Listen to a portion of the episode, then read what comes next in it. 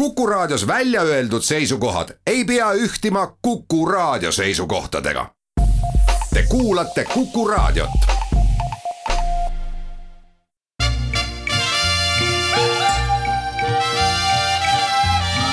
välismääraja. saade valmib koostöös uudisteagentuuriga BNS tere pühapäeva hommikust, mina olen Neeme Raud kaks maailma uudiste pealkirja lõppevast nädalast. The Wall Street Journal, kas USA ja Euroopa lähevad lahku ja samuti The Wall Street Journal, Bideni administratsioon piirab sanktsioonide kasutamist, tegemist on olulise nihkega USA välispoliitikas.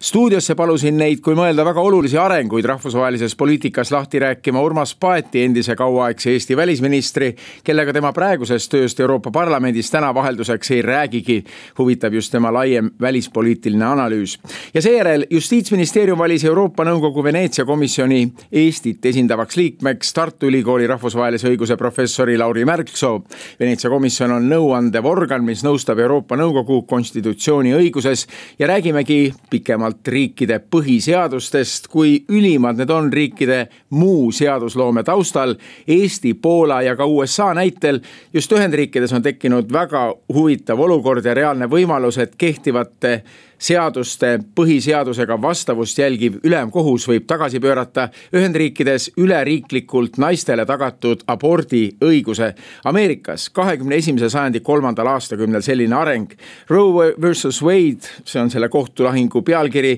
millega, mille järel siis USA-s naistele abordiõigus tagati viiskümmend aastat tagasi, on olnud ka sealse feminismi üks sümboleid, aga mis siis nüüd edasi saab, sellest räägime saate teises pooles. ent kõigepealt siis USA ja Euroopa suhete seis ja murelikke hääli on enam kui palju. Wall Street Journali kolumnist William Galston kirjutab nii. esmakordselt pärast teise maailmasõja lõppu seisab USA silmitsi võitlusega kahel rindel. ta on tugevaim liitlane pika ajalooga transatlantilises liidus Venemaa vaos hoidmiseks ja heidutamiseks, etendades samasugust rolli ka loomisjärgus alliansis Hiina võimutsemise vastu Vaikse ookeani regioonis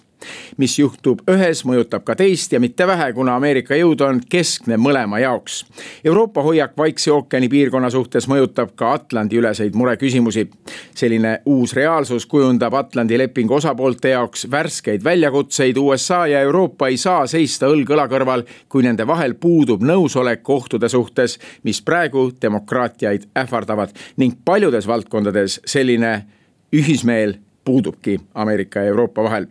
on see siis tõesti nii, et president Bideni ametisse saamise järel kuulutatu, et USA on Euroopas tagasi, ei vastagi päris tõele. just sellest algas meie vestlus Urmas Paetiga. no presidendi vahetuse järel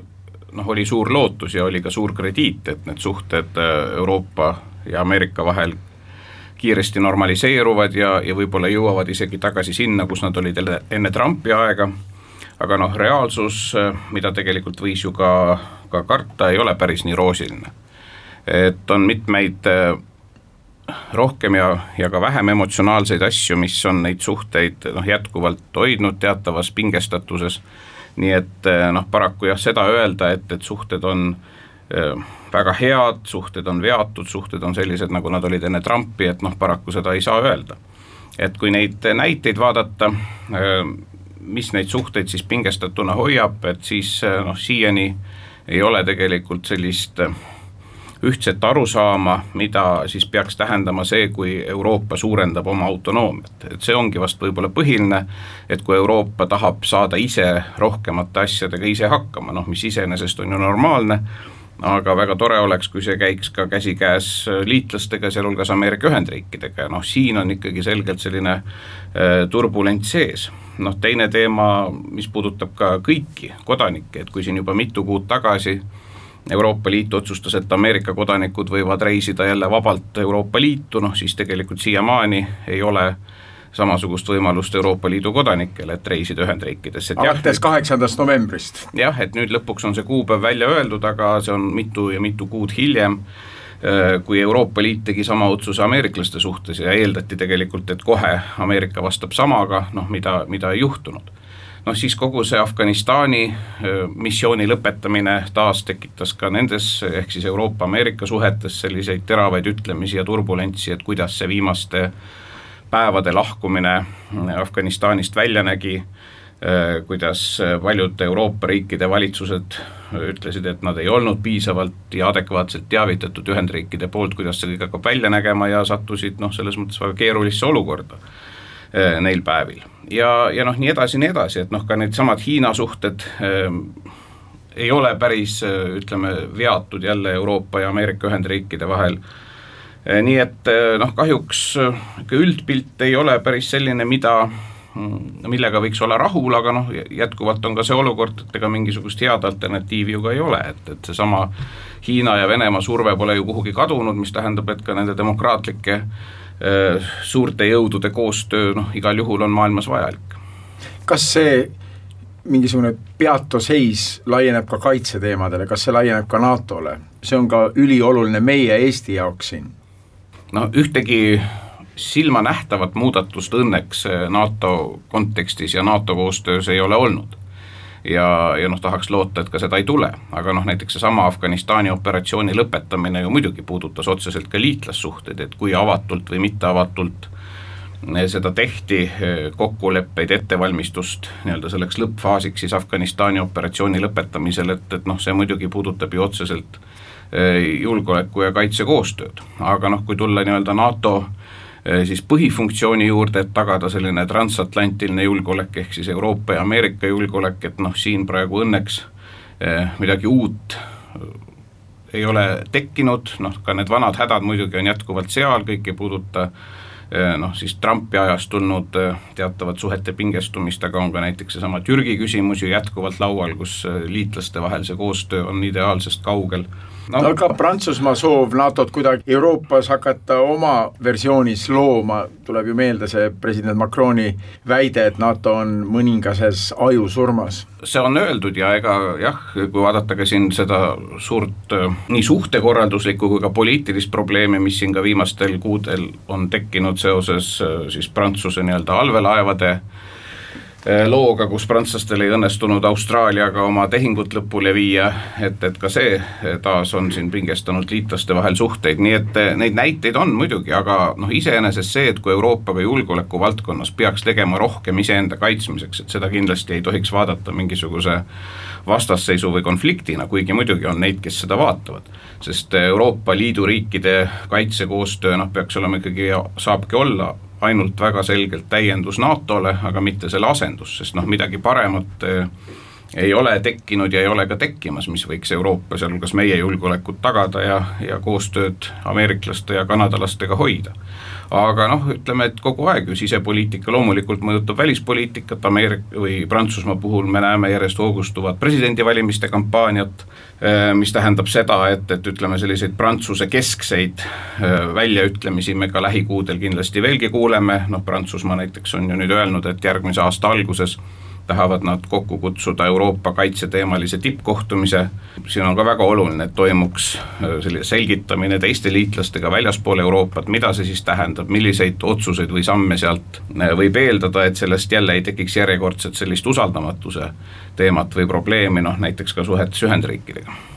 NATO peasekretär on igatahes lauale käinud nüüd ka uue teema, mis NATO jaoks on oluline, Hiina. ja kuidagi tõi see meelde Afganistani, mis Ameerika survel suuresti sai NATO operatsiooniks ka. Afganistan on nüüd läbi, nüüd räägitakse Hiinast, jälle on tunda siin Ühendriikide survet ja jälle on tunda seda ja näha seda, et NATO läheb sellest originaalsest missioonist Euroopa ja Atlandi piirkonna kaitse missioonist hoopis kaugemale ja nüüd lausa Hiinani. no see on olnud jah, juba pikem protsess, et seda me nägime ju ka Trumpi ajal, kus järjest rohkem Ühendriikide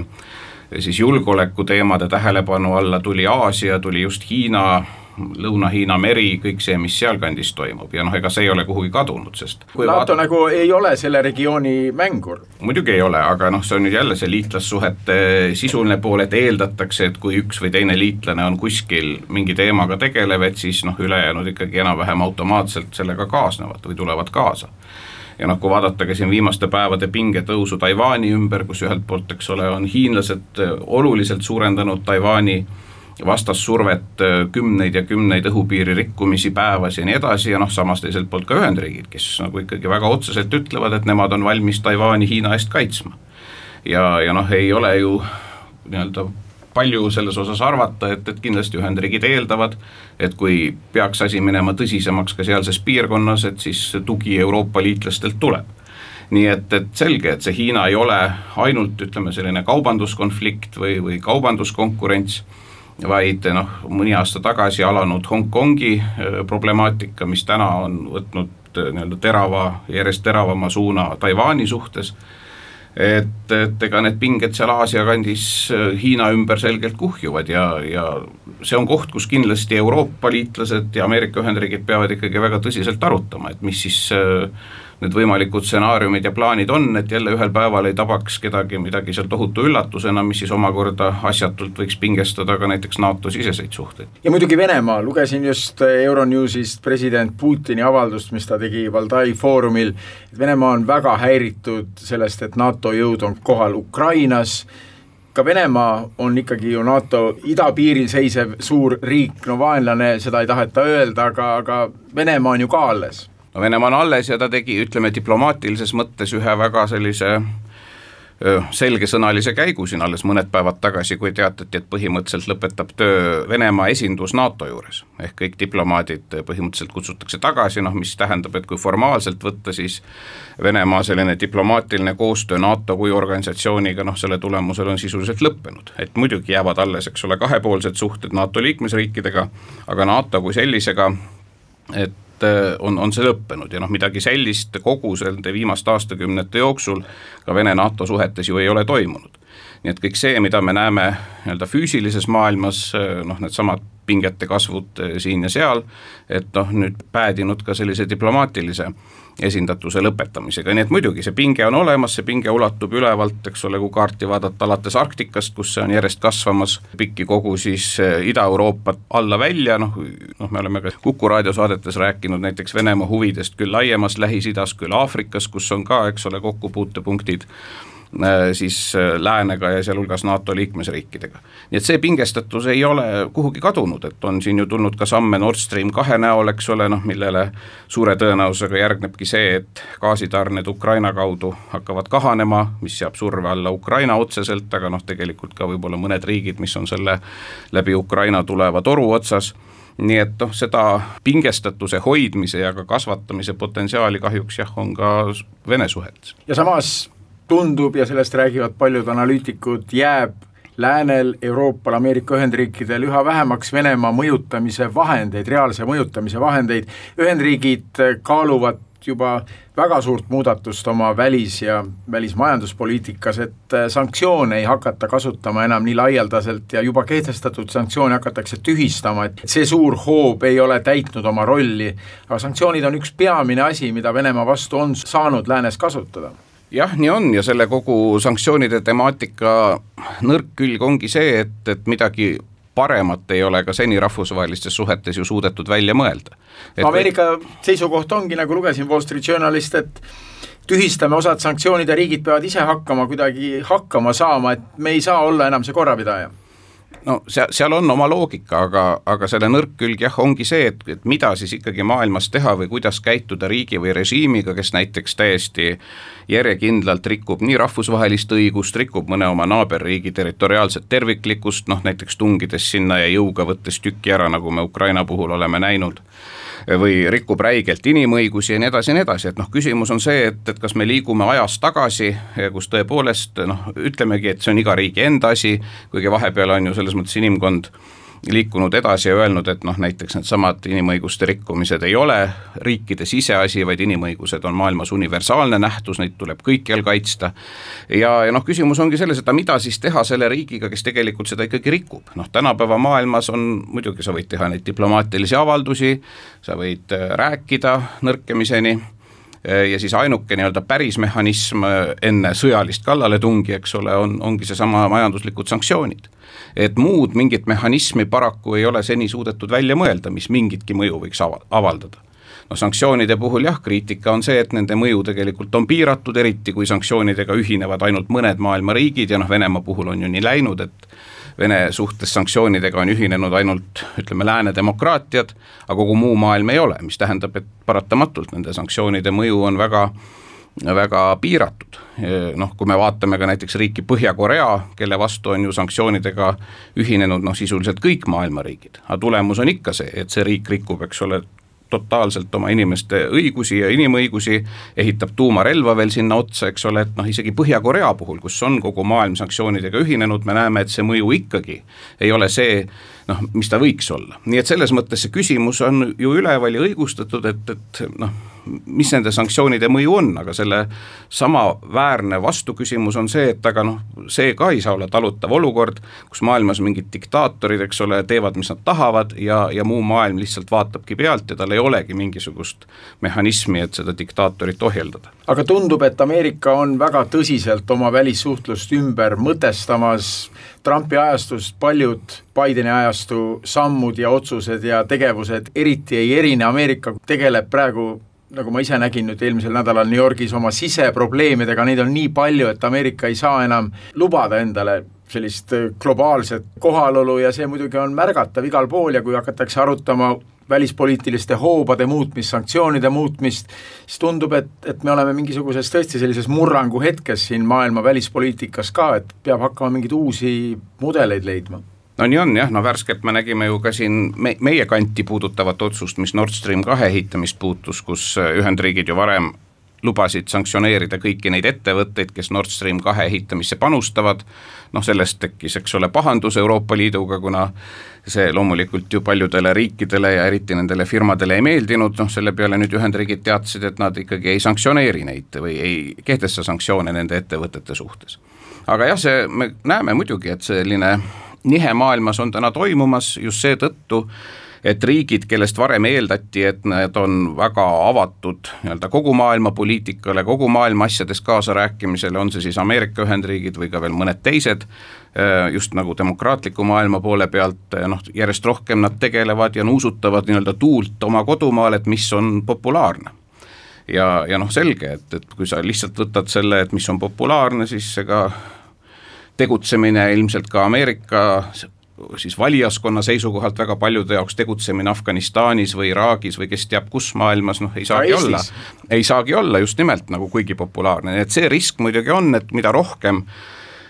ka suurte riikide valitsused hakkavad lähtuma ainult sellest, mis hetkel tundub kodumaal populaarne, ehk see sisepoliitika ikkagi tegelikult hakkab järjest rohkem välispoliitilist poolt tasalülitama, siis see on kogu maailma mastaabis oluline muudatus, sest noh, erinevalt autoritaarsetest riikidest, on see siis Hiina või Venemaa või keegi veel, no ütleme nii, et neil see avalik arvamus pole teab mis oluline, kuna päris valimisi ju niikuinii ei toimu, aga riigid jah, mis, kus äh, on päris valimised, kus ühiskond teatud mõttes poliitiliselt on lõhki, noh Ameerikas me nägime seda väga reljeefselt ju viimastel valimistel, aga tegelikult kui me vaatame ka Euroopasse, ka näiteks Prantsusmaal, järjekindlalt ka need poliitilised jõud, kes sooviksid Prantsusmaa näiteks sulgumist, eks ole, tegelemist ainult oma asjadega, ka nende toetus järjest tõuseb, noh mis tähendab, et, et surve alla järjest rohkem äh, satub ka näiteks tänane president Macron ja tänane valitsus, et mitte nii-öelda lasta kõigil nendel häältel siis igal juhul enda tagant ära minna. nii et noh, kui me ka Euroopas räägime näiteks Euroopa Liidu laienemispoliitikast, siis väga selgelt on Prantsusmaa positsioonid siin muutunud on muutunud ikkagi selliseks, et laienemisest täna ei taheta enam sisuliselt üldse rääkida ja põhiline põhjus on Prantsuse sisepoliitika. et seda, kus see sisepoliitika ikkagi järjest tugevamini muudab ühe või teise riigi noh, senist välispoliitilist hoiakut, noh me näeme ka mujal kui ainult Ühendriikides Urmas Paet, Euroopa Parlamendi liige, Eesti endine pikaajaline välisminister, kõneles. kui välismääraja jätkub, kõneleme õigusprofessor Lauri Märksooga riikide seadusloomest ja vajadusest tagada kõigi seaduste vastavus põhiseadusele, mis polegi iseenesest nii mõistetav, kui tundub.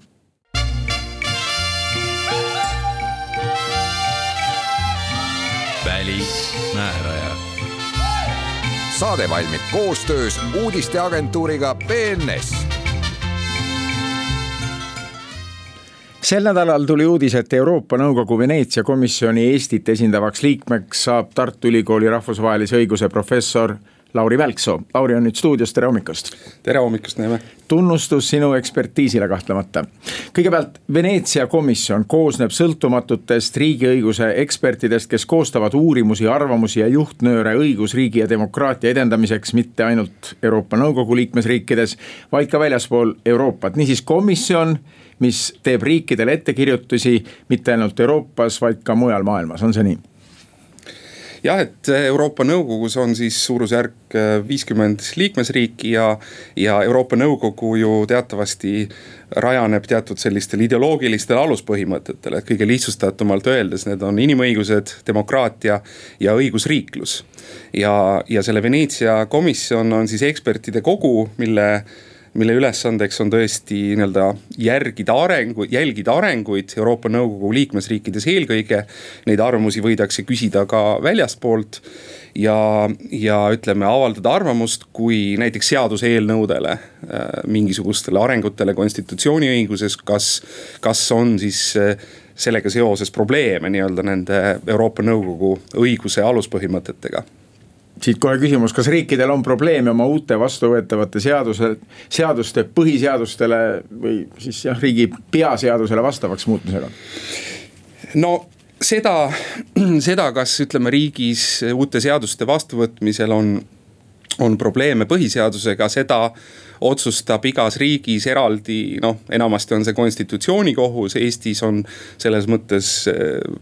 eriline lahendus, et äh, meil on siis riigikohus. tähendab, meil selles mõttes nagu eraldi konstitutsioonikohut ei ole, et riigikohus on ka konstitutsioonikohtu funktsiooni äh, täidab. aga Euroopa Nõukogu tasandil, nii nagu tegelikult ka Euroopa Liidu tasandil on pigem põhiküsimus see, et kas see riigiõigus, kaasa arvatud konstitutsioonikohtu äh, tõlgendus, kas see läheb kokku rahvusvahelise õiguse nõuetega või ütleme, kui Euroopa õigus on siis selline regionaalne rahvusvahelise õiguse vorm. et kas seal mingisuguseid vastuolusid või pingeid ka tekib et no, teeme kohe piltlikult pühapäeva hommikul selgeks, neid õigusruume on nii palju, kus me tegelikult elame, tundub, et oleme siin Tallinnas stuudios, meil on üks õigus, aga tegelikult oleme väga erinevates õigusruumides samaaegselt. ja see sõltub sellest, missuguste organisatsioonide ja riikide liitude äh, liikmeks üks konkreetne riik on, on siis saanud, et no, Eesti, Eesti. Eesti puhul tõesti meie, meie oleme liikmeks Euroopa Nõukogus ja muidugi siis ka Euroopa Liidus ja, ja kumbki kumbki, mõlemad need organisatsioonid tähendavad oma, oma spetsiifilist õigust, ütleme Euroopa Nõukogu puhul on selleks eelkõige Euroopa Inimõiguste konventsioon. selle tõlgendused, mida pakub Euroopa Inimõiguste Kohus Strasbourgis ja, ja siis Euroopa Liidu puhul on need kõigepealt aluslepingud ja, ja see kõige võib-olla vaieldavam osa, see kõige sellise mõnes mõttes tähtsam osa Euroopa Liidu õigusest, see küsimus sellest, et kas kas Euroopa Liidu õiguse täitmine on iga, igal, igal juhul nii-öelda Euroopa Liidu õigus on ülimuslik riikide konstitutsiooniõiguse suhtes. riigid ei tohiks kasutada seda argumenti, et me ei saa seda teha kuna meie konstitutsioon keelab seda, et, et Euroopa Liidus siis Euroopa Liidu kohus võttis sellise põhimõtte vastu juba kuuekümnendatel aastatel, et Euroopa Liidu õigus on ülimuslik. aga, aga konstitutsioonikohtud mõnedes riikides on sellele nagu vastu natukene tõrkunud seda niimoodi sada protsenti aktsepteerimast. no väga terav vastuolu on toimunud just Poolaga viimasel ajal, viimasel nädalal lausa, aga lisaks Euroopale, Euroopa Liidule oleme ka ÜRO liikmed, kas meil on veel ka mingisugune ülim maailma õigus siin kõige, kõige kohal? no selles mõttes on, et äh, kui me vaatame kahte kõige tähtsamat äh, ÜRO organit, need on siis julgeolekunõukogu ja, ja peaassamblee, siis peaassamblee resolutsioonid on vastavalt ÜRO põhikirjale soovituslikud, aga ÜRO julgeolekunõukogu poolt vastu võetud resolutsioonid on, on riikidele täitmiseks kohustus, kohustuslikud. See tuleneb ÜRO põhikirjast endast, näiteks, näiteks pärast üheteistkümnenda septembri kahe tuhande esimese aasta terrorirünnakuid asus julgeolekunõukogu üsna intensiivselt tööle teatud mõttes isegi seadusandjana, mis puudutas siis äh, ütleme nii terroritõrjet või neid, neid meetmeid, mida riigid julgeolekunõukogu arvates pidid äh, vastu võtma nagu terrorivastases võitluses. ÜRO julgeolekunõukogu on, on asutanud näiteks äh, ad hoc kriminaalkohtuid, näiteks tänaseks tegevuse lõpetanud Jugoslaavia tribunal Haagis oli ÜRO julgeolekunõukogu asutatud, nii et kui. kui riik on ÜRO liige, siis ta peab järgima ka julgeolekunõukogu otsuseid, need on siduvad. jah, kuigi mitte iga otsus, mida julgeolekunõukogu teeb, ei ole niivõrd resolutiivne, et siis peab vaatama seda konkreetset otsust, kas ta nagu, kas ta nagu taotleb olla nii-öelda riike ma ei tea, kohustada midagi tegema. tuleme nüüd sellelt suurelt globaalselt tasandilt tagasi Euroopa õigusruumi väga tuline arutelu toimus Euroopa Parlamendis sel nädalal Poola peaministri, Euroopa Komisjoni presidendi, Sloveenia välisministri osavõtul. ja paljud Euroopa Parlamendi saadikud mõistsid hukka Poola konstitutsioonikohtu seitsmenda oktoobri otsuse. kõnelejad seadsid kahtluse alla kohtu enda sõltumatuse ja märkisid, et Poola valitsus on teel totalitarismi poole. ja Euroopa Komisjon äh, peaks parlamendi arvates käivitama viivitamatult õigusriigi tingimuslikkuse mehhanismi, et kaitsta Poola kodanikke ja Euroopa Liidu õiguse aluseid. mis seal siis toimub, seleta meile ära. no see on nüüd üks keeruline natukene siin seisukohta võtta, sest et kui, kui loomulikult kuulata. ära võib-olla seisukohta võtagi, aga seleta ära, mis siis toimub üldse praegu, siin on nagu nii palju erinevaid faktoreid ilmselt, mis toimub, on, on see, et kui nii-öelda vaadata struktuurselt, siis, siis ongi võitlus selle vahel, et, et kas, kas domineerib Euroopa Liidu õigus või viimase sõna saab endale siis nii-öelda see Poola konstitutsiooni õigus, konstitutsiooniline tõlgendus. et nüüd, kui, kui see sats Kesk- ja Ida-Euroopa riike, kaasa arvatud Balti riigid, kahe tuhande neljandal aastal Euroopa Liitu vastu võeti, siis, siis tegelikult äh, pigistati natukene silm selles osas kinni, et osad need riigid, kelle riiklust oli ju ka ajaloos alla surutud, nad olid nad tahtsid nii-öelda süüa torti nii, et see jääks alles, ehk siis nad tahtsid Euroopa Liidu eeliseid, aga teis-, teisalt nad tegelikult tahtsid ka oma suveräänsust nautida. Ja, ja Poola puhul me natukene näemegi seda, et ega, ega ei, ei rahvas ega valitsus ei taha Euroopa Liidust välja astuda. küll aga tundub täna, et nad, vähemalt see praegune valitsus ei ole ei ole valmis nagu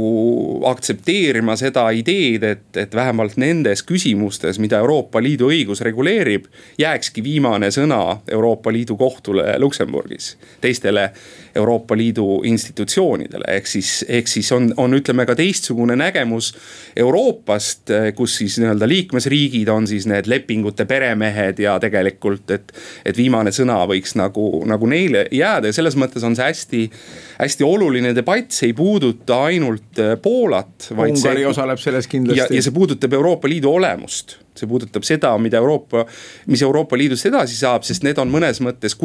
millised lahendused need küsimused leiavad, see on nagu. sellel on pretsedendi jõud, näiteks praegu on Prantsusmaal kogumas jõudu, eks ole, valimiskampaania, kus kus kandidaadid tegelikult trumpavad üksteist üle äh, konservatiivsete positsioonidega ja ütlevad ka, et aga, aga Prantsusmaa õigus peaks ka olema õigu, ülimuslik Euroopa Liidu õiguse suhtes, et äh, Äh, nii et, et see on nagu, kuidas öelda, see on natuke selline nagu džinn, äh, mida siis pudelist, pudelist välja lasta. kuidas seda olukorda siis lahendada, Euroopa peab hakkama siis survet avaldama, sanktsioone kehtestama no kui me siin eelnevas intervjuus Urmas Paadiga just rääkisime, et Ameerika Ühendriigid leiavad, et sanktsioonid ei ole enam see tööriist, mida kasutada, aga kuidas siis olukorda lahendada? no tõenäoliselt, kui, kui noh, võtta siin aluseks vajadus, ütleme et eesmärk võiks olla ikkagi Euroopa Liidu heas mõttes säilimine ja see, et Poola on seal sees, siis tundub, et, et. et kõik peavad selles protsessis tegema mingeid kompromisse et ühelt poolt Euroopa Liit peab arvestama sellega, et, et kes siis, kes siis need selle klubi liikmed on, mis on nende ajalugu, peab vaatama seda, et et Poolat ei koheldaks mingis mõttes, kuna ta on Kesk- ja Ida-Euroopa riik, natukene sellise teise järgu liikmesriigina peab poolakate üks argumente on ju see, et, et kõik kõik teevad kambakat Poolale ja Ungarile, aga vaadake, Saksamaa konstitutsioonikohus on ka ähm, ütleme Euroopa Liidu õigusele mingites asjades vastu astunud ja, ja nii edasi, et, et siis, siis kui suured riigid nagu seda teevad, et siis me ei siis me nagu ei raamista seda sellise õigusriikluse probleemina, et selleks peab olema sellise keskmine suurusega võib-olla Kesk- ja Ida-Euroopa riik, kelle suhtes me endiselt, meil on see hoiak, et vot nemad nüüd peavad saama neid õppetunde edasi, eks ole, demokraatias ja ja, ja inimõigustes samal ajal kui võib-olla Saksamaale Euroopa Liidus keegi neid õppetunde andma ei, ei hakka. Aga seal on spetsiifilised probleemid, eks ole, Poolas, et, et mis puudutab seda justiits, justiitsreformi ja selles suhtes ma kui me juba Kuku raadios oleme, siis mõned nädalad tagasi Postimehe laupäeva lisas oli, oli endiselt Euroopa Inimõiguste Kohtu Eestist valitud kohtunikult Julia Lafrankilt oli pikem analüüs selle, selles osas, et mis, mis see detailsemalt see Euroopa Liidu kohtu jaoks, mis siis on problemaatiline selles, mida, mida Poola on, on, on nii-öelda teinud oma, oma, oma kohtunike koosseisuga näiteks, et kuidas ta on. milliseid samme on seal astutud, et saada siis sellisem nagu riigitruum kohtu, kohtunikkonna koosseis no Ameerika Ühendriikides, kuhu me oma jutuga siirdume järgmises saatelõigus ju öeldaksegi, et iga presidendi kõige suurem võimalus riigielu muuta on ülemkohtunike ametisse nimetamine. Ja Ameerikas president Trump nimetas kolm ülemkohtunikku ja kohtu koosseis on nii konservatiivne, et no on üsna tõenäoline, et muudetakse ära mõned väga olulised seadused Ameerikas. aga enne kui Ameerikasse läheme veel ka Eestist, Eesti õiguskantsler Ülle Madise on nüüd koroona ajal eriti meenutanud pidevalt meie põhiseadust, mille. millele üks või teine direktiiv, uus direktiiv, ennekõike kitsendus sageli ei vasta. aga kui ongi eriolukord ja valitsuselt ning ka parlamendilt oodatakse julgemat tegutsemist ja põhiseadus on liiga üldsõnaline ja piirav isegi, mis saab siis? no ütleme nii, et äh, juristide roll selles kriisis erineb ähm,, erineb äh, meedikute rollist ja erineb ka ähm, noh, poliitikute rollist, eks ju, sest et äh, ilmselt juristide roll ähm, selle kõige juures, selle kriisihalduse juures on lihtsalt meelde tuletada seda et, et need meetmed, mida me vastu võtame, et need, need tuleb vastu võtta nii, et et, et nii-öelda mitte ohvriks tuua, samas need võib-olla õigusriikluse aluspõhimõtted. kuidas, kuidas otsuseid tehakse, kuidas neid põhjendatakse kõik sellised asjad, mis on nagu osa sellest samast noh õiguste kultuurist, mida sellesama Euroopa Nõukogu pärast teist maailmasõda on edendanud. tõsi, ja, ja me, me peame ju meelde tuletama ka seda, et Eesti minevik on Nõukogude Liidus, mida sina mäletad oma, oma nooruspõlvest ja mida minagi mäletan oma nooruspõlvest ja see oli, see oli riik, kus ütleme, kui poliitikas midagi oli vaja teha, siis seda tehti ilma ütleme õigustele tähelepanu pööramata. Ja, ja Eesti äh, valik, ütleme iseseisvuda ei olnud ju ainult noh, nii-öelda olla Venemaast eraldi, vaid teha ka sedasorti asju nagu teistmoodi. et, et äh, ei saa olla nii, et keegi on, keegi on valitseja ja siis ta, ja siis ta saab teha nagu mida iganes. aga olles seda öelnud, siis ma mõnikord mõtlen ka seda, et, et, et kas, kas juristid on alati osa lahendusest või ka mõnikord osa probleemist, sest selge on see, et, et näiteks inimõigustest kõige tähtsam on õigus elule. ehk siis kui, kui me, kui me kogu aeg eh, nagu, kuidas öelda, argumenteerime nii-öelda piduritena, siis, siis, siis tegelikult noh selle hinnaks võib olla ka elude kaotus, et ei saa ju näiteks seesama diskursus, mis Eestis praegu on, et, et ma ei tea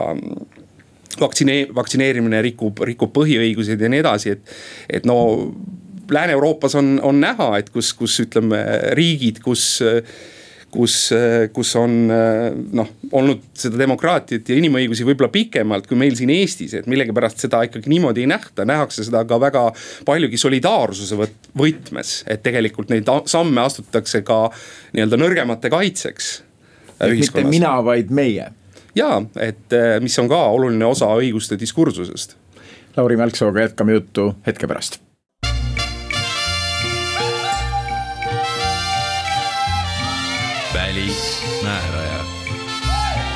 saade valmib koostöös uudisteagentuuriga BNS. ja stuudios on rahvusvahelise õiguse ekspert, professor Lauri Mälksoo. jätkame juttu Ameerikast, maailmas ei ole vist teist suurriiki ja üldse riiki, kes oleks nii põhiseaduse usku nagu Ameerika Ühendriigid, sa oled ka Ameerikas korduvalt käinud, õppinud, tunned seda süsteemi hästi. no milles see Ameerika põhiseaduse kultus? no ma ei tea, kas nii võib öelda. jah, no üks, üks põhjus on ilmselt see, et tegemist on ju ma arvan, et vist võib öelda, et kõige vanema kehtiva põhiseadusega, mis tegelikult on, on kaheksateistkümnenda sajandi lõpust. Eesti, Eesti põhiseadus, eks ole, võrdluseks on tuhande üheksasaja üheksakümne teisest aastast. ja kuidagi, kuidagi see maa on suutnud selle, selle põhiseadusega, milles tegelikult artikleid üldse väga palju ei ole. Eh, kõik see aeg elada aga kuidas ta seda on teinud, on see, et, et selle, kogu selle mängu juures on hästi oluline see institutsioon. Ähm, Washingtonis Kapitooliumi künkal siis USA ülemkohus üheksaliikmeline kogu, mis on tegelikult Ameerikas tõesti nagu jumalus, sest et nende otsusest sõltub tegelikult see, kas üks või teine seadus kehtib ja mis suunas Ameerika liigub. jah, ja need liikmed on nagu nagu staarid, et kus, kus siis ühiskond ja meedia arutavad, et äh, umbes nii, et kas see kohtunik nüüd võiks kalduda sinna suunda või teise suunda ja. ja peaaegu Shakespeare'likult otsitakse neid intriige, et kuidas mingi kohtuniku vaated elu jooksul võivad natukene muutuda, kas siis liberaalsemast konservatiivsemaks või, või vastupidi. Ja, ja, ja selles mõttes see pikemaajalise mõju, mis ühel presidentuuril Äh, olla saab, on, äh, on ju, on ju seesama ülemkohtunike nimetamine, et oluline aspekt on ka see, et need inimesed ei, ei pensioneeru enamasti, vaid nad äh, sisuliselt on sellel, selles positsioonis surmani. näiteks praegu siin Eestis on ka jooksnud film naiste õiguste eest seisnud kohtunik Ruth Bader Ginsburgist, mm -hmm. kellele tegelikult noh nüüd mõnikord liberaalid on ette heitnud, et ta oleks võinud tegelikult Obama ajal tagasi astuda. kusjuures president Obama kutsus ta välja Valgesse Majja ja tegi talle selle ettepaneku, et ta astuks tagasi ja sellest räägitakse Ameerikas ka päris palju. aga ja... ta otsustas, et ta on siiski lõpuni seal kaitsmas neid liberaalseid vaateid. jah, ja samas siis juhtus nii, et ta, ta suri president Trumpi presidentuuri ajal ja mis siis andis omakorda president Trumpile võimaluse täita see, see koht konservatiivsema häälega, nii et, et see, see võib olla Trumpi üks kõige noh, pikemaajalisemaid mõjusid USA siis sellisele õiguslik-poliitilisele süsteemile, et tänu ütleme Trumpi ajast siis on, on, on see kohtunikkonna koosseis muutunud niimoodi selle kolme nimetamise läbi, et. et tegelikult me räägime seal konservatiivsest enamusest ja konservatiivsest enamusest räägitakse praegu väga palju Ameerikas, sest et kogu riik jälgib, mis toimub Texase osariigi abordiseadusega. see on kõige piiravam seadus Ühendriikides praegu. kuus nädalat on naistel aega siis otsustada, kas aborti teha ja seejärel on see keelatud. isegi juhtudel, kui naine on vägistatud või incest on toimunud ja nii edasi. ja siin tulevad teised osariigid juba järgi, näiteks Mississippis on samasugune piiratud seadus ja nüüd peab varsti ülemkohus otsustama, kas üleriiklikult naistel olev õigus, mis põhineb tuhande üheksasaja seitsmekümne teisel või kolmandal aastal vastu võetud äh, sellisel kohtuasjal Roe versus Wade, Roe Wade'i vastu. et kas see jääb kehtima, naistel on üleriiklikult abordiõigus olemas või lükatakse nüüd kogu see temaatika osariikidele ja iga osariik ise saab otsustada, kas naised võivad äh, aborti teha või mitte. osa osariike kindlasti jääb selle juurde, et naised võivad teha, põhjaosariigid, liberaalsed osariigid. aga, aga osa riike kindlasti muudab selle ka ära, et see on praegu väga huvitav vaidlus ja New Yorgis oma tuttavatega vesteldes eelmisel nädalal. kes kõik on enamasti liberaalid, nad on veendunud, et, et see asi on juba otsustatud ja see Roe versus Wade on mõneti nagu Ameerika naisõigusluse ja, ja üldse kodanike õiguste nagu nurgakivi, et, et kui see nüüd ära muudetakse, see on no Ameerika jaoks rohkem kui abordiseaduse äramuutmine. ja, ja peame siin arvesse võtma, et nii nagu Euroopas ütleme Eesti taolise riigi jaoks või Poola jaoks on, on see küsimus äh, sellest, et kuidas näiteks Poola konstitutsiooni õigus, kuidas ta läheb kokku või ei lähe kokku, ütleme nende laiemate Euroopa Nõukogu, Euroopa Liidu õiguse aluspõhimõtetega, eks ole, organisatsioonid, kuhu Poola kuulub, siis USA ei ole mingisuguse sellise rahvusvahelise organisatsiooni liige, kust tuleks nii-öelda neid käsulaudu USA õiguse mõttes, aga USA ise on nii suur ja, ja ütleme mitmekesine. et eh, noh, ja, ja seal on see märk, märks, märksõna föderalism ehk siis tegelikult, kui me vaatame USA konstitutsiooni õigust selle algusest peale, kaheksateistkümnenda sajandi lõpust, siis seal on üheks suureks põhiküsimuseks, kuidas suht-, suhtuvad omavahel osad ja tervik. Ehk siis eh, noh, algselt ju kui USA loodi oli ka üks visioon sellest, et tegelikult ikkagi see suveräänsus võikski olla mitte USA-l, vaid, vaid näiteks Virginial ja, ja Massachusettsil ehk siis need osariigid, nad, kuidas nad on nii-öelda kokku läinud mõnes mõttes, siis sinna tuleb juurde veel see kodusõda, mis. mis me ütleme küll lihtsustatult, et seal oli põhiteemaks orjanduse säilimine või mitte, aga seal oli mingil määral küsimuseks ka seda, see, et mis on lubatud osariikidele. kui, kui autonoomsed nad on ehk siis mis ju või ütleme demokraatia tingimustes, mis võib-olla peegeldab seda, et mida siis enamus nagu seal võiks, võiks arvata. mis on Aga... hämmastav Ameerika puhul, ma kuulan su juttu, on see, et me räägime kodusõjast, mis oli tuhande kaheksasaja kuuekümnendatel aastatel, aga need varjud on Ameerikas siiamaani alles debatt osariikide ja föderaalsuse vahel, et, et kuidagi see lai Ameerika ajaloo gamma on, on pidevalt nagu elusalt äh, arutelu teema. nii nagu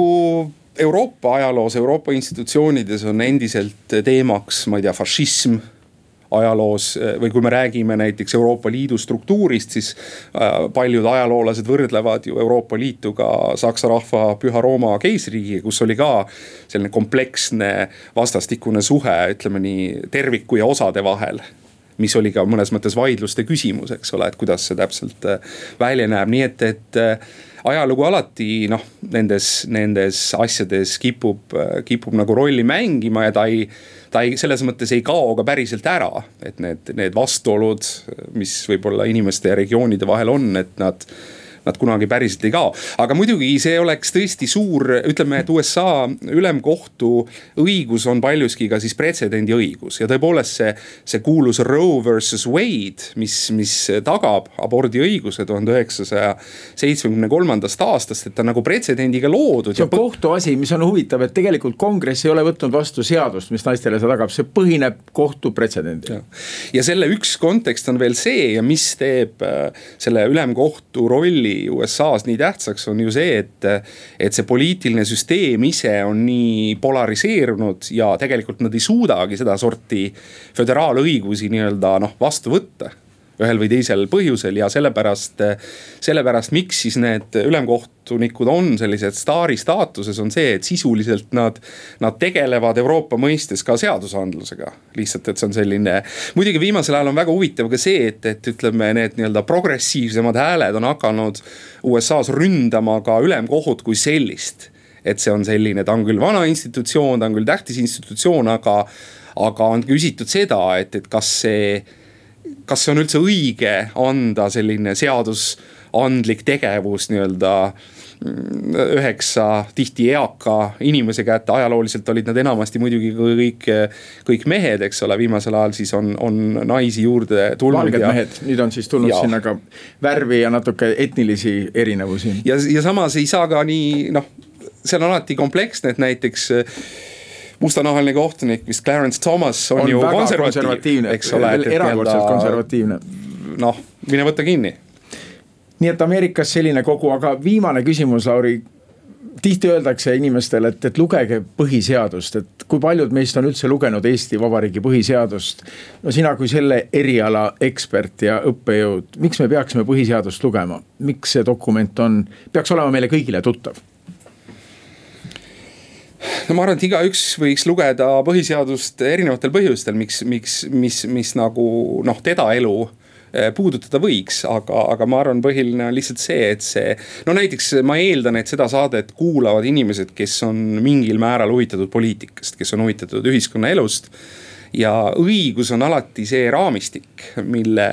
mille raames ju see ka poliitiline debatt käib. et ma väidan laiemalt, et ka, ka välispoliitikat ei ole, ei ole võimalik mõista ilma neid õiguslikke debatte hoomamata, teine on see, et, et noh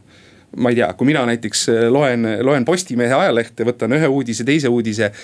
igal uudisel on mingi õiguslik dimensioon ja, ja kui sa tahad noh paremini aru saada sellest, mis toimub, siis, siis sa pead nagu mõtlema ka alati selle üle, et aga mis rolli õigus siin mängib. Ja ka see, et, et õigus on tihtipeale vaidluse objekt. ega eh, juristid mõnikord armastavad olla selles positsioonis, et nemad nüüd kuulutavad, mis õigus on. Aga, aga tegelikkuses me teame see näiteks, et kui on tegemist erinevate rahvusvaheliste ja siseriiklike kohtute kohtumängiga, et tihtipeale nad ka eh, tõlgendavad õigust erinevate aktsentidega ja, ja see on omakorda siis osa poliitikast ja huvitav jälgida. Ja täiesti viimane küsimus, kuidas sulle tundub, räägitakse palju sellest, et maailm on muutumas konservatiivsemaks, rääkisime USA ülemkohtust, mille kolleegium on muutunud konservatiivsemaks, oleme me mingisuguse uue konservatiivsuse lävel, et. et liberaalsus on see, see vaade, mis maailmas oli lipukiri pikki aastakümneid, on, on kuidagi taandumas kui vaadata no, nüüd õigusmaailma. no mulle tundub, et, et me võime rääkida mingisugusest teatud sellisest süsteemsemast tagasilöögist äh, üleilmastumisele, globaliseerumisele, kus tegelikult ka eliidid või rahvad on mingis mõttes nagu kaotanud usu sellesse, et üleilmastumine on tingimata hea. aga mida see tähendab, on see, et see, see mõjutab ka siis nende universaalsete normide kehtivust, see, see nagu murendab seda ideed, et. et mingid põhilised normid võiksid olla universaalsetel väärtustel põhinevad ja see täp-, täp-, nagu läheb selleni välja, et iga, iga regioon või iga aktöör valib mingisugused omad väärtused ja omad põhimõtted ja seda me tõesti praegu maailmas näha võime.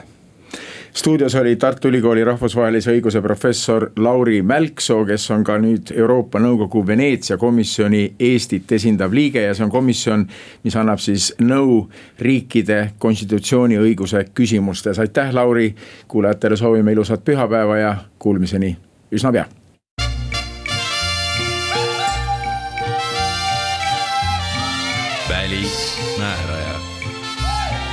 saade valmib koostöös uudisteagentuuriga BNS